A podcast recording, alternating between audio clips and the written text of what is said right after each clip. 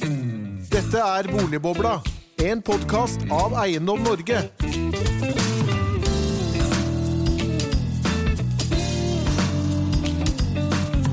Hjertelig velkommen til en ny episode av Boligbobla. Denne gang om den ferske bokostnadsindeksen fra huseierne, som viser at kostnadene ved å eie og bo sin e- egen bolig øker stadig. Og det er de myndighetsbestemte kostnadene som driver utviklingen. Vi spør hvordan øker kostnadene, og hvordan vil utgiftene for boligeierne utvikle seg i årene fremover? Og ikke minst, hva skal vi gjøre med det? I studio har vi selvsagt eh, to gjester som skal ta oss gjennom det temaet. Vår første gjest er sjefen for norske boligeiere, og en varm forsvarer av den norske boligmodellen, Morten Andreas Meyer. Hjertelig velkommen til deg. Takk skal du ha. Og vår andre gjest er myndighetenes egen forbrukerpolitiske vaktbikkje. Fagdirektør for bolig i Forbrukerrådet, Olav Kåsehan. Velkommen. Takk skal du ha. Og med min side, avtroppende sjef for boligprisene, Christian Dreyer. Velkommen til deg. Tusen takk. Introduserte du akkurat Olav som forbryterpolitiske direktør? Ja, du gjorde det. Og så sa du Kåsland, og så det er Kasland. Ja, det Ja, det var jævlig mye feil. det er godt, godt å ta meg her, altså. Det er godt å en god start, ja. Det er veldig bra. Men Christian, du har jo kjent eh, Har du kjent lommeboken blitt dyrere, tykkere? Eller blitt dyrere å bo de siste årene? Apropos Jeg er jo i så, så måte så heldig at jeg bor i Bærum. eh, En Hvor velstyrt bygg, kalte en av garasjene. Ja, eh, en eh, bygd i byen er jo på en måte sloganet fremdeles i Bærum, og der eh, skal de i hvert fall ikke ha eiendomsskatt. Eh, Så jeg har i hvert fall ikke kjent på den delen av de offentlige utgiftene, men det er klart at eh, eh, veldig mange av de utgiftene som vi nå skal bli, litt, eh, høre litt mer om, det kjenner jo vi alle sammen. Eh, Variable strømpriser som går opp og ned, kommunale avgifter som øker, så, så, og ikke minst boligprisene som da har gått i været, som har eh, dratt rentekostnadene av gårde. Og det har vi jo ennå ikke kjent eh, full effekt av etter de renteøkningene vi har hatt siste året. Men Morten, det er andre året dere utgjør eh, bokkostnadsindeksen. Hvordan, hvordan ser eh, utviklingen ut? Og hvorfor har dere laget dette? Må du også kanskje si. Ja, kanskje vi skal starte der, Erik. Eh, Vi har vært opptatt av å Det er så mye synsing rundt omkring, eh, så vi har vært opptatt av å dokumentere, og vi har vært opptatt av å dokumentere sammenhenger, og vi har vært opptatt av å dokumentere over lengre tidsperioder. Så vi startet et eh, arbeid eh, i fjor, som du sa, eh, og har engasjert Samfunnsøkonomisk analyse til å utvikle denne bokostnadsindeksen som tar inn over seg kostnadsutviklingen på alle de sentrale komponentene som er forbundet med å bo. Eh, Både myndighetsbestemte bokostnader og de markedsbestemte bokostnadene. Så det inneholder selvfølgelig eiendomsskatt, kommunale avgifter, eh, energi, altså avgifter på energiforbruket vårt, men også forsikring, eh, renter, eh, vedlikehold og de markedsbestemte energikostnadene. Og ikke overraskende, fra 2010 frem til 2016 ingen dramatisk endring, snarere tvert imot. Den, den andelen vi bruker av lønna vår på å bo er heller litt mindre i den perioden, men så skjer det et skift fra 2016 til 2017, og det fortsetter inn i 2018. Eh, Så eh, både fra 2016 til 2017 en markant økning i, de, i, i bokostnadene våre, og den, eh, den er ytterligere spisset til og, og øker kraftigere fra 2017 til 2018, så vi kan konkludere med at de to siste årene så bruker vi en større andel på å håndtere kostnadene til å bo i eget hjem enn det vi gjorde i, i 2016. Så hva er det som driver denne utviklingen, da? Det er mange som tror da at det er drevet av økte boligpriser, høyere boliglån og dermed økte rentekostnader, Eh, men frem til i dag så er ikke det riktig. Det som driver økte bokostnader for folk flest, det er rett og slett at de myndighetsbestemte bokostnadene skyter i været i høyt tempo. Eh, Egentlig ganske galopperende, spør du meg. Eh, Fra 2010 og frem til i dag så har de myndighetsbestemte bokostnadene i snitt økt med 42% Korrigerer vi for lønnsveksten i den perioden, eh, så er veksten i de myndighetsbestemte bokostnadene 11% Så det betyr altså at eh, en vanlig toinntektsfamilie betaler en stadig økende andel av den lønna de har til disposisjon, til å dekke de myndighetsbestemte bokostnadene, og det er en utvikling som vi mener eh, politikerne bør være langt mer opptatt av enn det de er i dag. Men da er det særlig eiendomsskatt og eh, vann og kloakk som er driverne her, da? eller? Ja, det er flere komponenter. Eh, det er naturligvis eiendomsskatt som er eh, Som i, i sum i Norge er fordoblet gjennom de siste fem årene. Det er kommunale avgifter knyttet til vann, eh, kloakk, feiing, renovasjon. Men det er også energikostnadene. Altså elavgiften har jo denne regjeringen dratt til så det holder. Eh, så det skjer på mange områder parallelt. Og det er litt av problemet. Det er at det sitter en kommune som eh, bestemmer eiendomsskatten, og så får de forelagt seg dette selvkostregnskapet fra et vann- og avløpsselskap, og så legger de på eh, gebyrene på vann og avløp, og så sitter Stortinget og legger på elavgiften. Og når du legger de blokkene oppå hverandre, det er da det blir problematisk for en en vanlig toinntektsfamilie å håndtere de økte kostnadene. Og så vet du at eh, verre skal det bli, men det kommer vi sikkert eh, inn på ja, litt senere. Dere har en prognose som går frem til 22, så vidt jeg forstår. Og det ser ja. også dystert ut fra Ja, det er altså eh, Altså, på den ene siden så er vår oppgave å sørge for at kostnadsveksten blir lavest mulig, men vi må også være nøkterne og realistiske og fortelle landets boligeiere hva bildet kommer til å være fremover. Eh, og eh, eh, vår hypotese og vår prognose innebærer at, at denne utviklingen vi bare så vidt har sett begynnelsen på i 2017-2018, den kommer til å fortsette. Så i 2022 kommer vi til å bruke en større andel av lønna vår på å bo. Det er drevet av fortsatt vekst i de offentlige gebyrene og avgiftene, og så vil jo Eh, den, den, renteøkningen som vi har sett det siste året, eh, som vi ikke har sett full effekt av på den faktiske rentekostnaden til husholdningene, den vil slå inn fra 2020. Eh, så det, det er Ja, du må gjerne kalle det et, et dystert bilde, men det burde mane både politikere på Stortinget og ikke minst de nyvalgte kommunestyrerepresentantene til å øke oppmerksomheten sin på disse forholdene. Mm. Eh, fordi dette, eh, dette dreier seg jo om eh, helt vanlige familiers hverdagsøkonomi.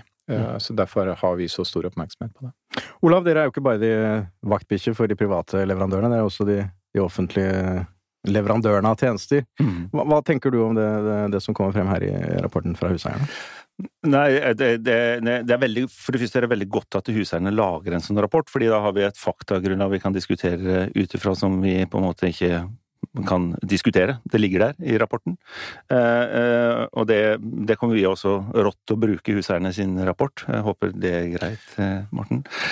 Så, så, i den grad vi kan argumentere for dette her altså, Forbrukerrådet det er jo litt sånn spesielt politisk organ, da, der jeg jobber, i, i forbrukerpolitisk, at vi er statsansatte interesseorganisasjon som på en måte er kritisk mot de vi får penger av, mens Morten han er Det er jo gjerne sånn det er i Norge, da. Ja, han er jo sånn, ikke sant? Mens Morten, Morten er jo helt selvstendig. Vi Morten er fri mann, ja. ja. Fri mann, ja. Vi er også det. For vi, det er veldig godt å være uavhengig av eh, bevilgninger over statsbudsjettet. Sånn, vi skal bare tjene medlemmenes interesser og boligeiernes interesser. Det må jo vi også si, vi er uavhengige. Men det er også veldig behagelig å ha en linje på statsbudsjettet, jeg må bare si det. det. Eh, da har vi spesielle fullmakter fullmakter fra, fra, Stortinget til å gjøre den jobben vi gjør, da. Men eh, altså, det, som, det, som, vi stikker nesa vår borti, er jo ikke sånn som eiendomsskatt og de som politiske vedtatte. Det, det kan folk velge i valg. Men det som vi eh, de kan velge eh, bort eller med eh, eiendomsskatt, det kan de gjøre som de vil med. Eh, men det vi er interessert i, det er selvkostregime spesielt. Fordi, fordi, eh, jeg er en gammel politiker, mange av oss er jo det.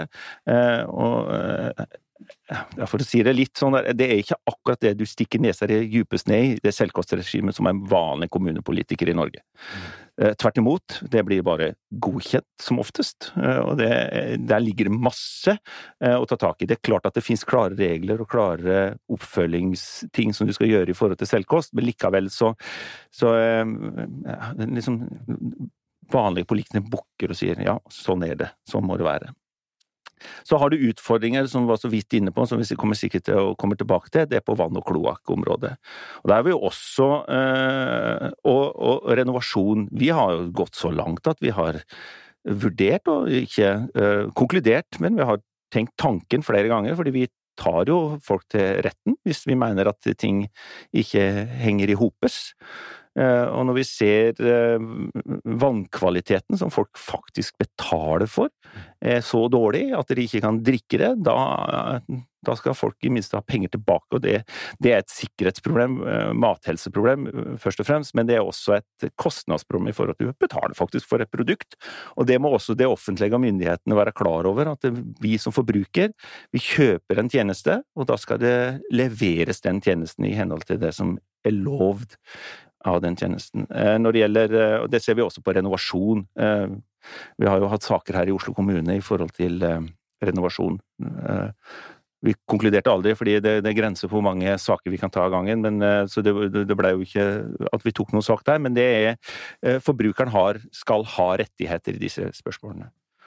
Og så er det da eh, som eh, Så er dette vann og avløp og selvkost og dette kommunale avgiften Det er ikke verdens mest sexy ting, da. Liksom, du, du, du, du, trekker ikke til deg velgere på det, eh, annet enn akkurat når Aschehoug-saken sto opp. Mm. Så, så, det er politisk, og da er vår rolle enda viktigere, fordi Eh, dette blir ikke debattert så mye der ute. Mm.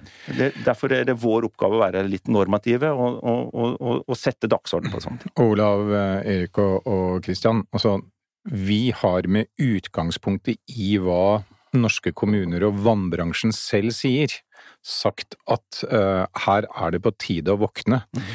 Når når gebyrøkningen må ta inn over seg det store vedlikeholdsetterslepet og investeringsbehovet som er i vann og kloakk, mm. så kommer bompengeopprøret til å være småtteri. Mm. Altså i, i, den rapporten som Norsk Vann selv har laget, altså Norsk Vann er en organisasjon for i realiteten de kommunale vann- og avløpsverkene, eh, så eh, fastslår de at det er et etterslep på rundt, eller et altså vedlikeholdsetterslep, et investeringsbehov på rett i underkant av 300 milliarder kroner som må tas innen 2040. Det betyr at en vanlig familie vil i snitt, jeg sier i snitt, få 4% gebyrøkning oppå ordinær prisstigning årlig fram til 2040. Det betyr at uh, i gjennomsnitt så får du en fordobling av gebyret fram til 2030, men det er store geografiske forskjeller. I den rapporten som Norsk Vann uh, ga ut for to år siden, uh, så ligger det ved en tabell som forteller hvordan dette fordeler seg på fylker.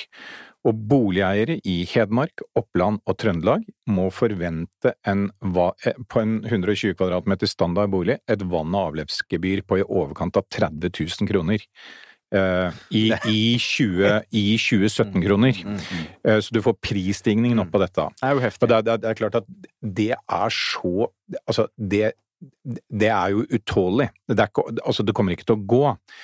Og risikoen da er jo at de kommunepolitikerne som faktisk går inn i selvkostregimet og ser hvordan det vil funke, de vil ikke tørre å gjøre de investeringene som innebærer at vann- og avløpssystemet får den kvaliteten eh, som det må ha, eh, både ut fra helsemessige synspunkter og ut fra klimamessige synspunkter.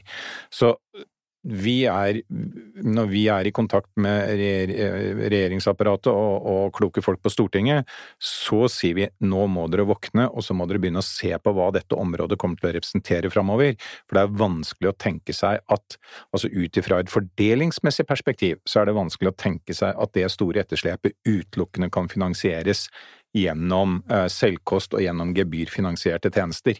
For det vil slå så urimelig ut fra et fordelingsmessig perspektiv. Altså fra område til område, da? Ja, hvordan, ja, hvordan, hvordan jo, både fra område til område, men det er klart at uh, det, er jo, det, er jo, noen inntektsforskjeller uh, mellom landets boligeiere mm. og en uh, nyetablert tobarnsfamilie mm. som skal betale et gebyr i, i samme størrelse som en, en, en empty nest to ganger 55-åringer ja. Eh, med god økonomi og god inntekt. Det er, det er, fordelingsmessig, tror jeg, i Norge ganske utålelig. Så vi, vi, har pekt på at vi tror du må, vi må Altså, eh, landets boligeiere må som brukere av denne infrastrukturen bære hovedansvaret for å finansiere både løpende drift og de nødvendige investeringene, Eh, men vi tror det vil bli nødvendig med noe det jeg kaller skattefinansiert, Mm. eller overføringer fra staten som ikke har den uheldige fordelingsmessige effekten. Som, eh, det, det tror vi kommer til å bli nødvendig for å komme i mål med den nødvendige, den nødvendige rehabiliteringen av dette. For det er altså Blir du lyttet til da, når du er rundt og snakker med regjeringsapparatet på dette? Er det noen som begynner å våkne? Jeg tror det er en bevegelse, Kristian. Uh, og så er det Det er som uh, det er jo som det er sagt, ikke sant. Altså, det er jo ingen som syns det er noe gøy å klippe snorer på noe som ligger under bakken. Og politikkens vesen er jo ofte sånn at det er mye morsommere å sette i gang et nytt tiltak enn å vedlikeholde de du allerede har, ja.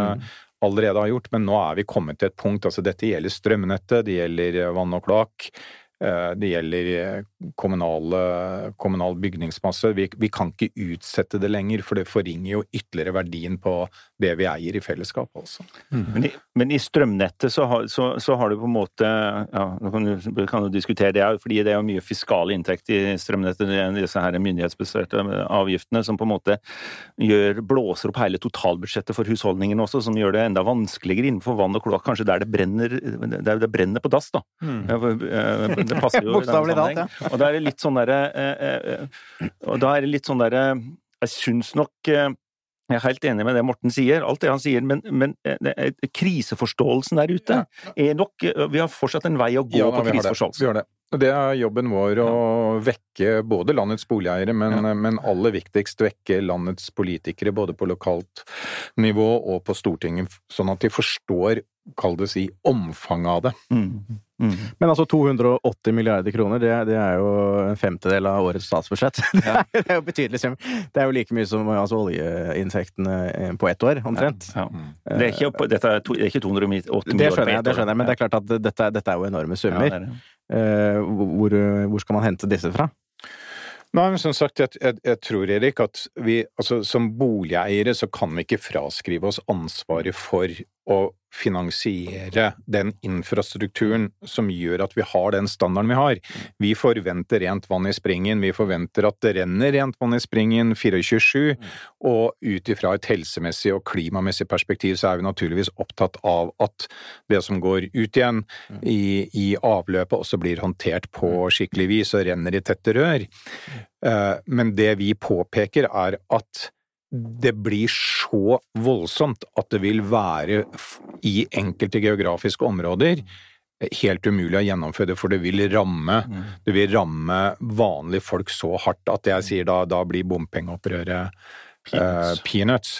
Uh, og der tenker jeg at du må der må du trå til med en, kall det delt finansiering, hvor hovedprinsippet er gebyrfinansierte tjenester, men du må hjelpe til litt med, med, med det som er skattefinansiert, og sannsynligvis da fordelt over, over, over statsbudsjettet. Ja, for den enkelte forbruker er jo helt maktesløs oppi dette her. Ja. De, de kan ikke Nei, shoppe altså, shoppe Som, for, kloakktjenester. som forbruker kan du ikke gjøre noe som helst med dette. og og, og så er det, selv om en del kommuner har deler av vann- og avløpsgebyret knyttet til ditt eget forbruk, så er egentlig denne infrastrukturen Kostnaden er å bygge og drive infrastrukturen. Om du bruker eh, 100 kubikk eh, eh, meter vann i løpet av et år, eller 200 kubikkmeter vann i løpet av et år, så er det, er, det, er helt, det er helt marginale kostnadsforskjeller. Men det vi som forbrukere kan gjøre, det er å begynne å stille noen krav til politikerne våre. Vi har så vidt vært innom begrepet selvkost. Kort forklart så er det altså, det er, det er jo ikke noe system som motiverer til innovasjon og Forbedring, effektivitetsforbedring. Ikke sant? Dette er jo et naturlig monopol. Vi kan jo ikke begynne å ha alternativer. Vi kan jo ikke ha tre vannledninger eh, ved siden av hverandre, og så kan vi velge. Så dette er naturlige monopoler. Det er naturlig at det er fellesskapet og det offentlige som driver dem.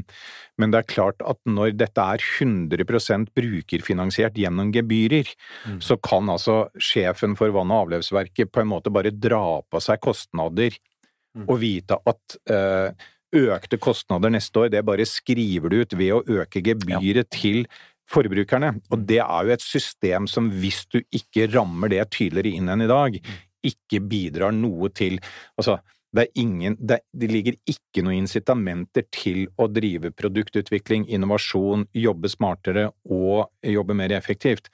Sånn, bare for å nevne det dette, her er det åpenbare stordriftsfordeler, Mm. men nord for Dovre finnes det ikke et eneste interkommunalt selskap som driver vann- og avløpstjenestene. Der blir det altså hver enkelt kommune som driver det. Og det, det tenker jeg, det, sånn kan du ikke fortsette. Der mener jeg staten må kunne stille noen krav til eh, eh, noen krav til fremtidig organisering som gir brukerne sikkerhet for at penga brukes mer effektivt enn i dag. Men nå kommer det jo en kommunereform her fra, fra nyttår, da, som vi reduseres vel til 350 kommuner. Hvordan, hvordan venter dere dette vil ha noe effekt på boligeiernes kostnader? Eh, eh, ingenting i begynnelsen. Eh, Tvert imot, vi vet jo at alle sånne fusjonskostnader vil dra opp kostnadene i begynnelsen. Det, men på sikt så må det jo ha effekt. Men det er jo klart at det, dette som, som Morten sier, at disse småkommunene som holder på der, der vannverkssjefen er, er, blir syke, og så har du ingen backup i hele tatt, det, det er et kjempeproblem. og får, det, det, borger ikke for innovasjon, du bare lester på kostnadene hele tida.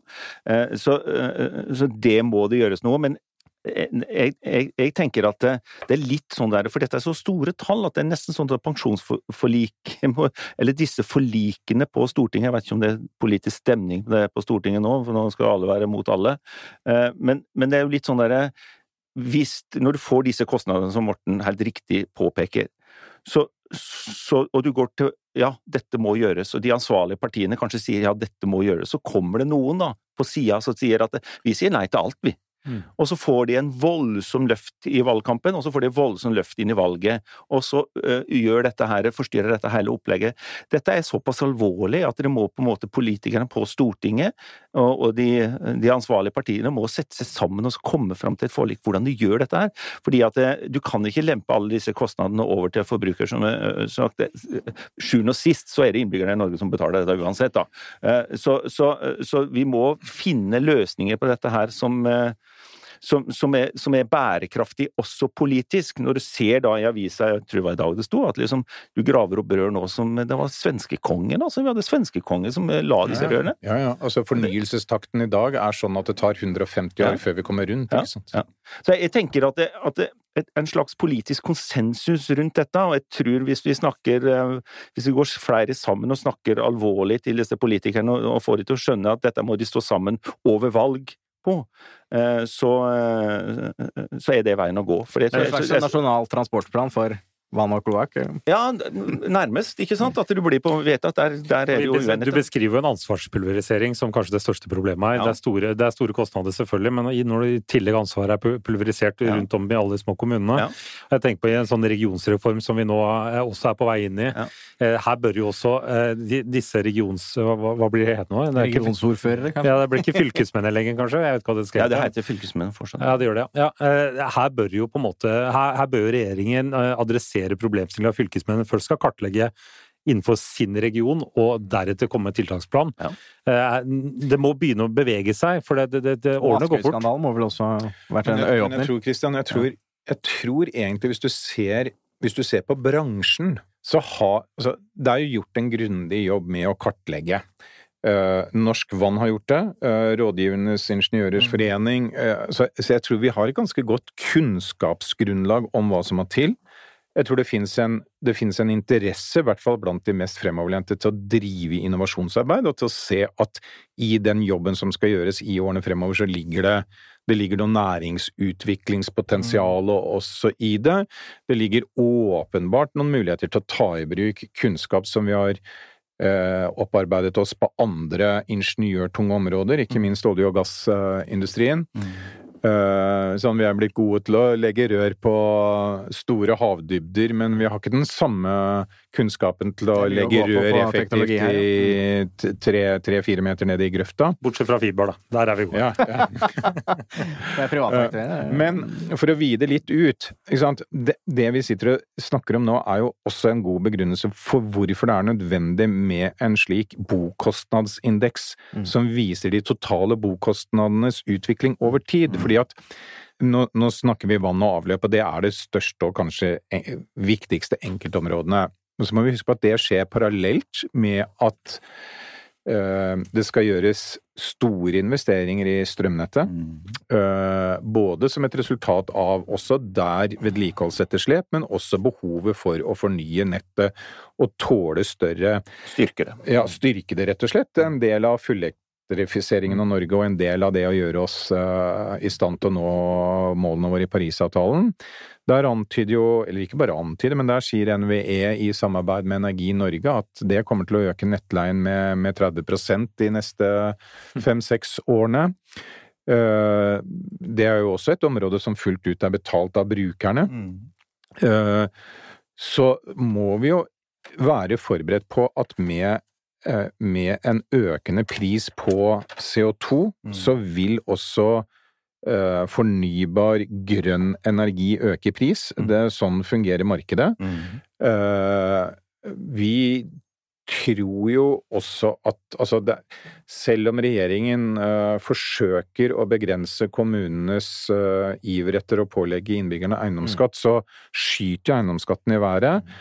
Og, og hvis du i tillegg legger til at vi Nå, nå er nok bildet på, på rentesiden litt annerledes enn da vi førte Altså, det går jo så fort. Mm. Men, men vi må vel anta at vi, i hvert fall litt sånn sett i et tiårsperspektiv, så har vi vært nær bunn når det gjelder renter. Mm. Så på et eller annet tidspunkt så må vi jo forvente at øh, rentekostnaden øh, på boliglånet vårt også kommer til å øke. Og det er når vi legger de tingene oppå, vi bare roper, som jeg sa i, i kommunalkomiteen, et vennligsinnet, varsomt varsko om at øh, du kommer til et punkt hvor disse tingene lagt oppå hverandre blir uhåndterlig for folk. Og da må vi også tilbake til hvorfor er dette så viktig? Jo, det er fordi at i Norge har vi altså valgt en boligmodell hvor folk flest eier sine egne boliger. Kloke politikere etter krigen sa at det var tre pilarer i velferdssamfunnet. Det er helse, det er arbeid, det er bolig. Og så har du valgt å gjøre det mulig, blant annet gjennom ganske omfattende skattefordeler, og, og gjøre det mulig for altså, flere, mer enn 80 av oss bor i et hjem som husstanden eier sjøl. Vi må passe på at vi ikke rokker ved den modellen, og hvis det blir for dyrt for folk å bo i egen bolig, så vil du først få en reduksjon i boligstandarden, og i neste omgang vil du skyve folk ut av eiemarkedet og ut i leiemarkedet, og de første som ryker er de med dårligst økonomi. Mm. Så derfor er det så viktig at politikerne ser disse tingene i sammenhengen, og eh, altså, du kan forsvare en enkeltbeslutning som drar disse kostnadene i været, men du må se dem i sammenheng sånn at den totale belastningen ikke blir for høy. Det som er jo også en, den, den utfordringen i forhold til disse kostnader, det er at eh, Nå spekulerer jeg litt, eller jeg har litt empiri på det, i forhold til at, eh, at dette glemmer forbrukeren veldig fort. Altså det kan bli liksom hvis du legger på avgiftene via et kommunebudsjett, og så legger du ganske mye på, så blir det litt bråk i begynnelsen, og så glemmer du det.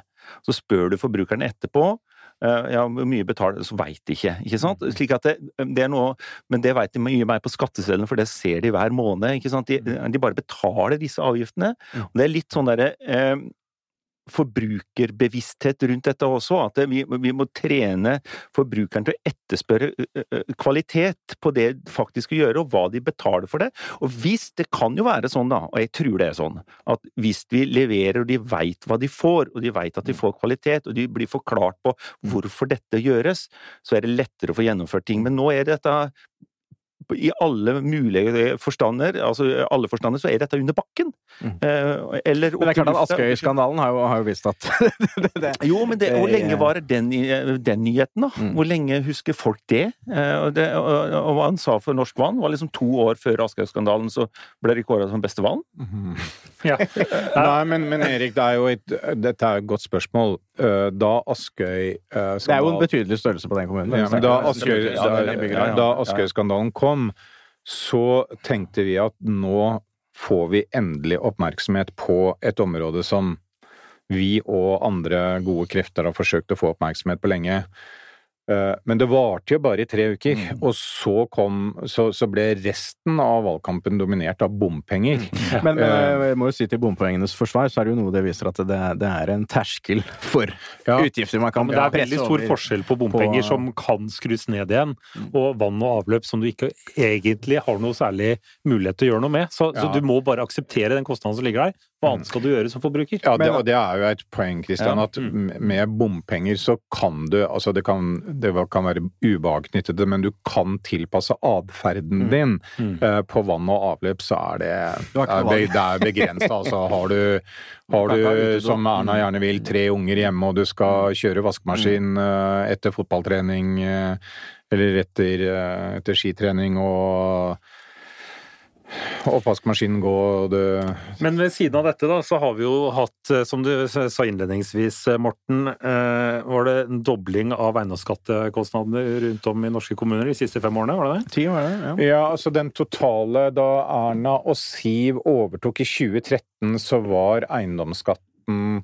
for bolig rundt Altså den totale belastningen, da. Ikke sant? Det totale provenyet var på ca. 3,5 milliard kroner, eh, og i år begynner vi å Jeg tror i år kommer vi til å begynne å nærme oss åtte. Mm.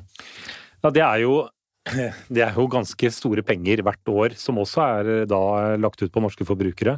Eh, Og selv om dagens regjering har gått til kamp mot eiendomsskatten, så har de så langt ikke hatt så veldig eh, stor suksess. Det er vel greit å si det, er det ikke det?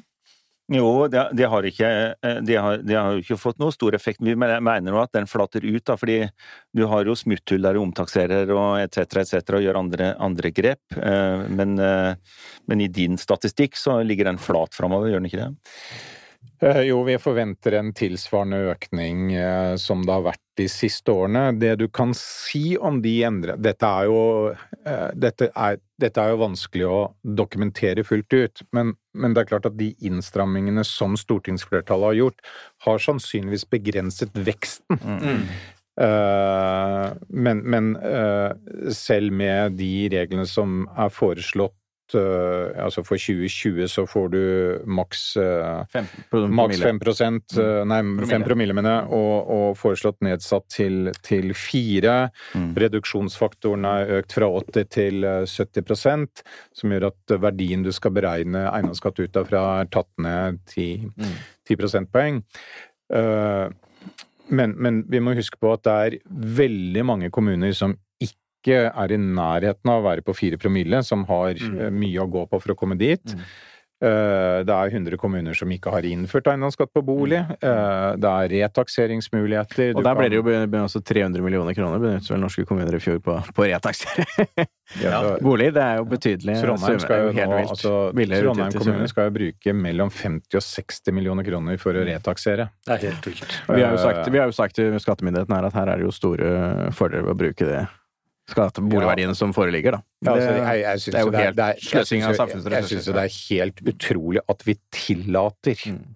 norske kommuner var KrF da å ja. gjøre, gjøre verdifastsettelsen av en bolig til, til en kommunal poli... Altså, det har jo ingenting med kommunalpolitisk skjønn å gjøre. Nei. For, du, for, for du har en diskusjon om hva slags eiendomsskattemodell du skal ha i kommunen, men det er totalt uforståelig for en skattyter at du får en utskriving av eiendomsskatt fra kommunen din, hvor kommunen sier at eiendommen din er verdt x antall kroner, og så kommer, eh, så kommer skattemeldinga fra skatteetaten som forteller at den nøyaktig den samme boligen er verdt, Ja, er, er er verdt er y antall kroner.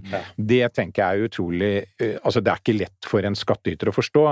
Og da tenker jeg, da får vi, la, da får vi bruke SSB, skatteetatens øh, verdifastsettelse på, på eiendom, og så får du forbedre den modellen. For jeg tror alle er enige om at det er også svakheter i den, men du kan ikke bruke svakheter i SSB-modellen som argument for å Lage en dårligere modell. Ja, ja. For å opprettholde en enda dårligere modell, Kristian. Det er øh, Men de kan, de kan jo gjøre det nå, men de gjør det bare og velger å ikke gjøre det. Ja da, det er jo noe altså Det er jo relativt mange kommuner som bruker SSB. Ja, ja. Det, det der er direkte sløsing med ja, offentlige midler. så det er jo helt meningsløst. Nei, det er virkelig. Eh, utrolig. Og i, eh, med, i lys av at vi i Norge så kan jeg skryte litt av oss selv, da. I lys av at vi i Norge har en statistikk hvor vi har komplette data som SSB bruker som å lage sine modeller, men at vi har verdiestimerer hele bankporteføljen, alle boliglån, ja, priser, priser alle boliger én gang i kvartalet for å ha en repriset boliglånsportefølje. Og det gjøres hvert kvartal. Og det, det ligger tilgjengelig. Ja, Og så er det også sånn at uh, i, i skattemeldinga, altså eh, verdifastsettelsen i eiendom, eh, i, på eiendom i skattemeldinga, er det mye enklere for skattyteren å kunne klage og Mm. kontrollere og klage på. Ja.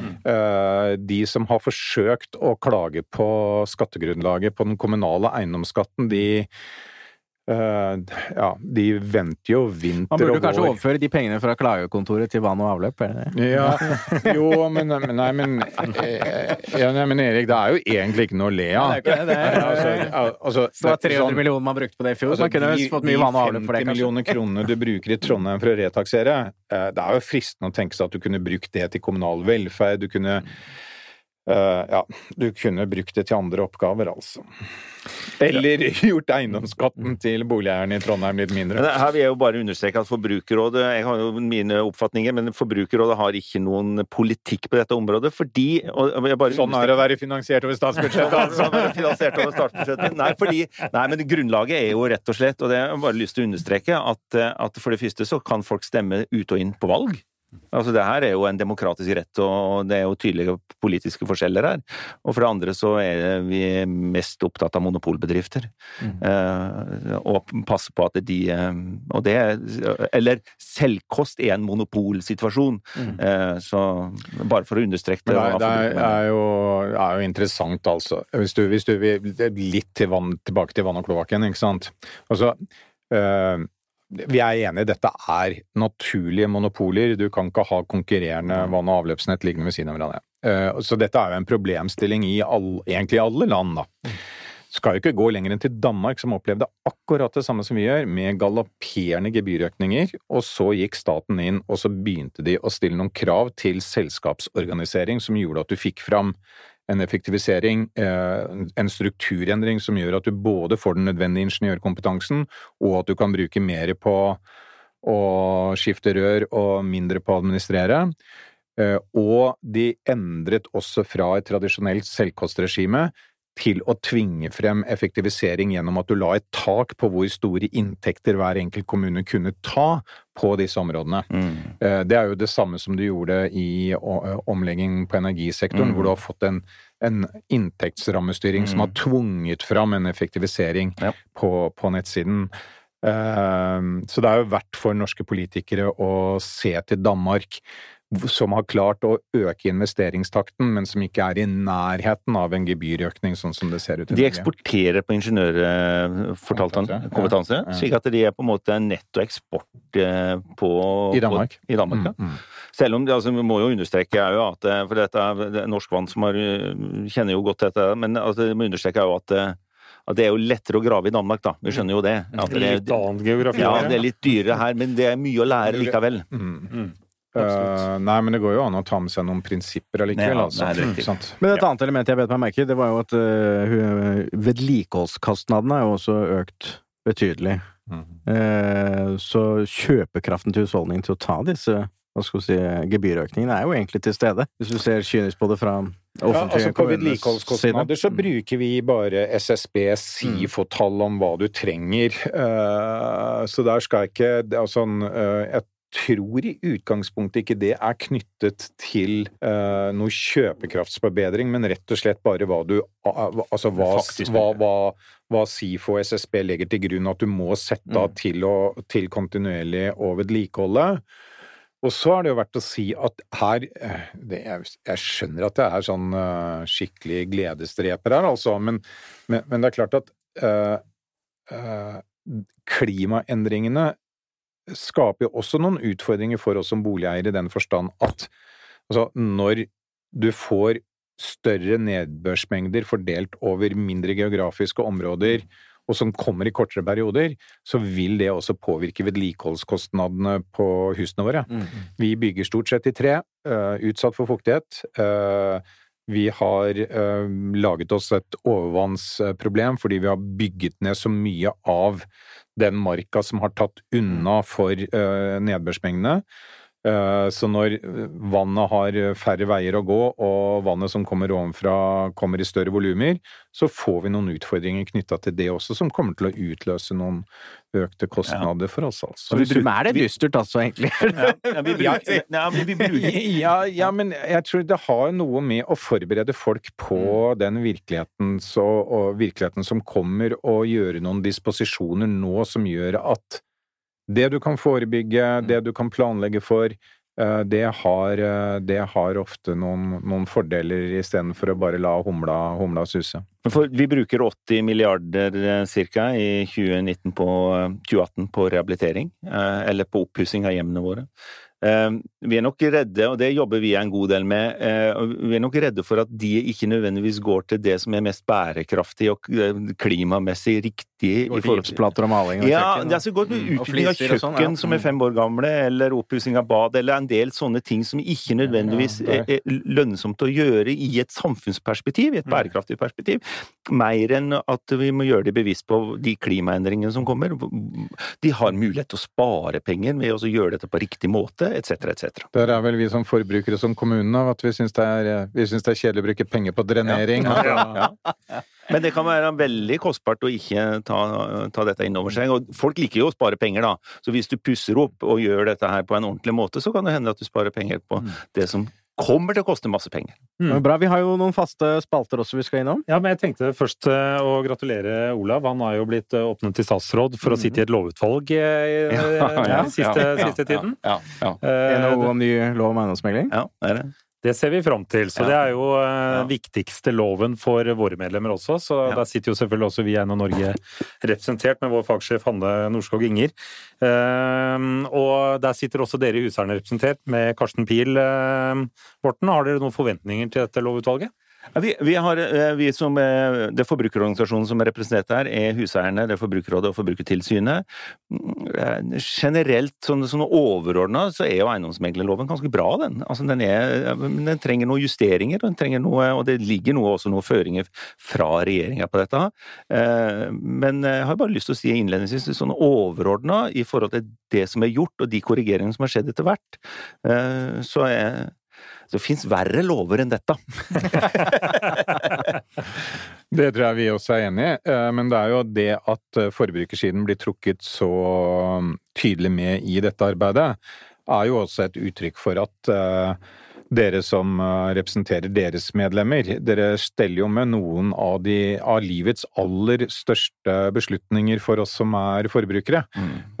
Så det at vi får anledning til å være med å fremme både forbrukersynspunktene inn i dette lovarbeidet, tror er, det tror vi er bra, ikke minst for dere som står for den, eh, altså som representerer den, den profesjonelle, profesjonelle sida.